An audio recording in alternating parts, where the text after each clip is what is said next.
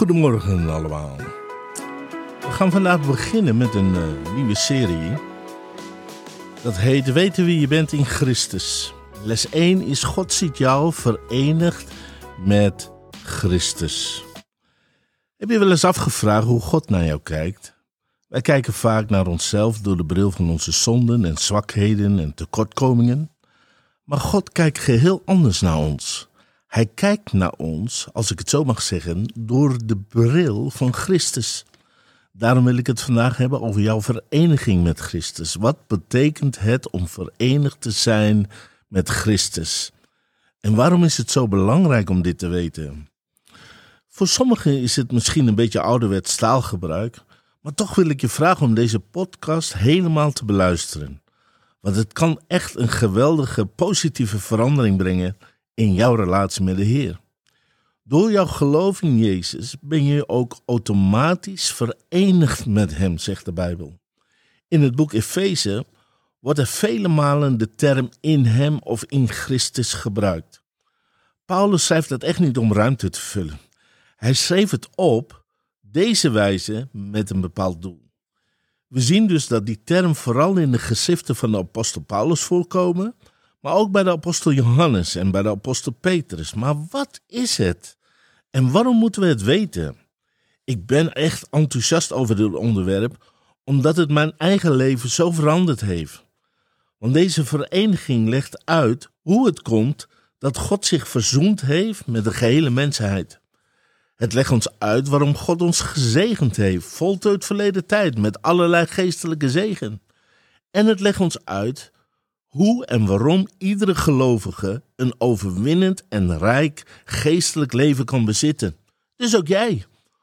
Onze vereniging met Christus is heel diepgaand.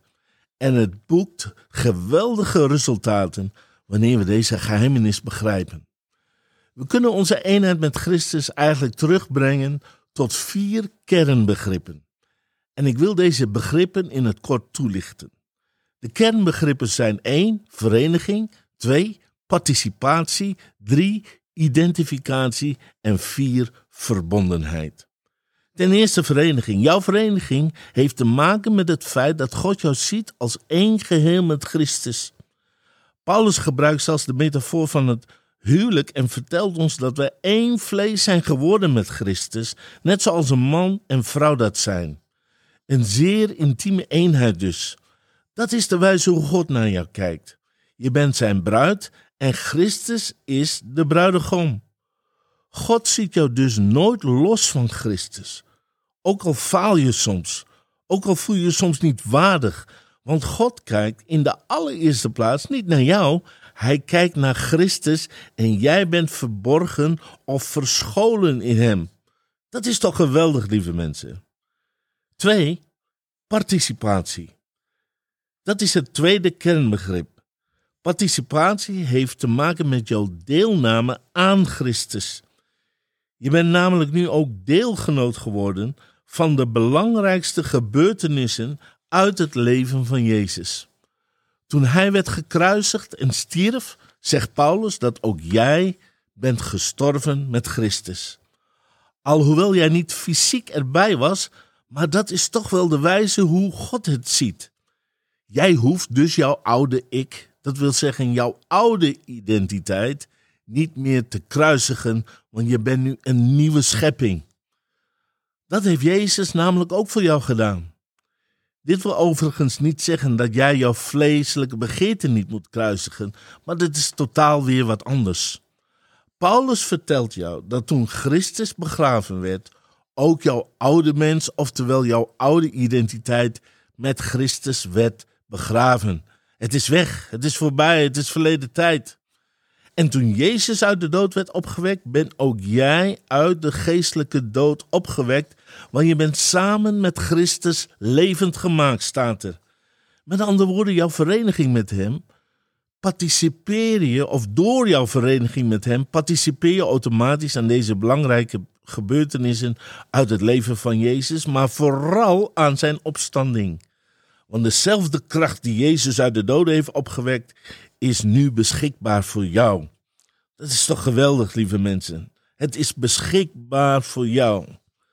En dan gaan we naar het derde kenbegrip. Dat is identificatie. Identificatie betekent dat jij niet langer meer door God met Adam geïdentificeerd wordt.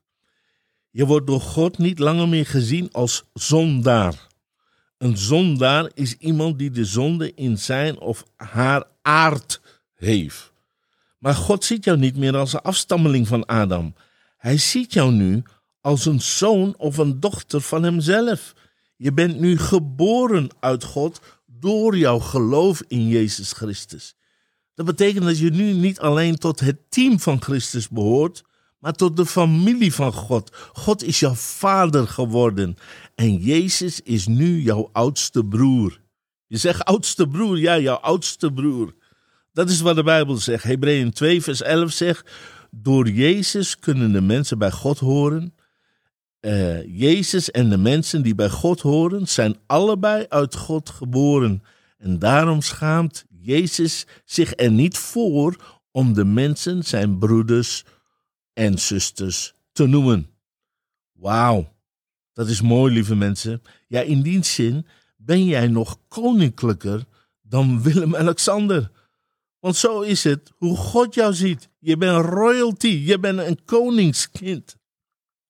En het vierde begrip van onze verbondenheid met Christus is dat je automatisch ook verbonden wordt en verbonden bent met een ieder die in Christus is. Luister, als jij in Christus bent en ik ben in Christus, dan zijn wij met elkaar verbonden omdat wij samen in Christus zijn. We zijn immers deelgenoot geworden van die ene geest en van die ene Heer en we delen dezelfde Vader. Dus onze vereniging met Christus zorgt ervoor een gezamenlijk geheel. Wij behoren niet alleen tot Hem, wij behoren nu ook met elkaar tot elkaar. Dat is de, de, essentie en de DNA van gemeente zijn, lieve mensen. Zo laten we deze vier termen nog eens even heel snel herhalen.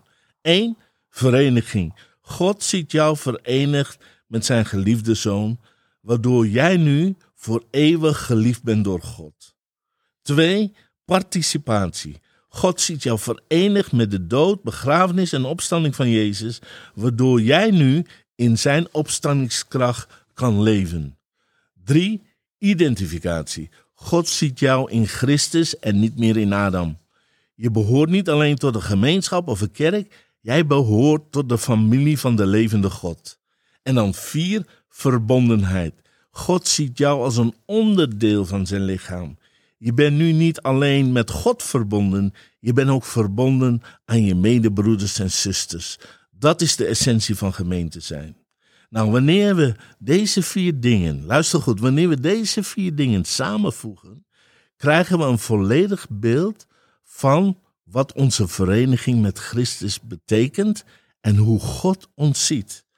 We gaan onszelf echt anders zien in, een totaal ander licht, namelijk in het licht van Christus.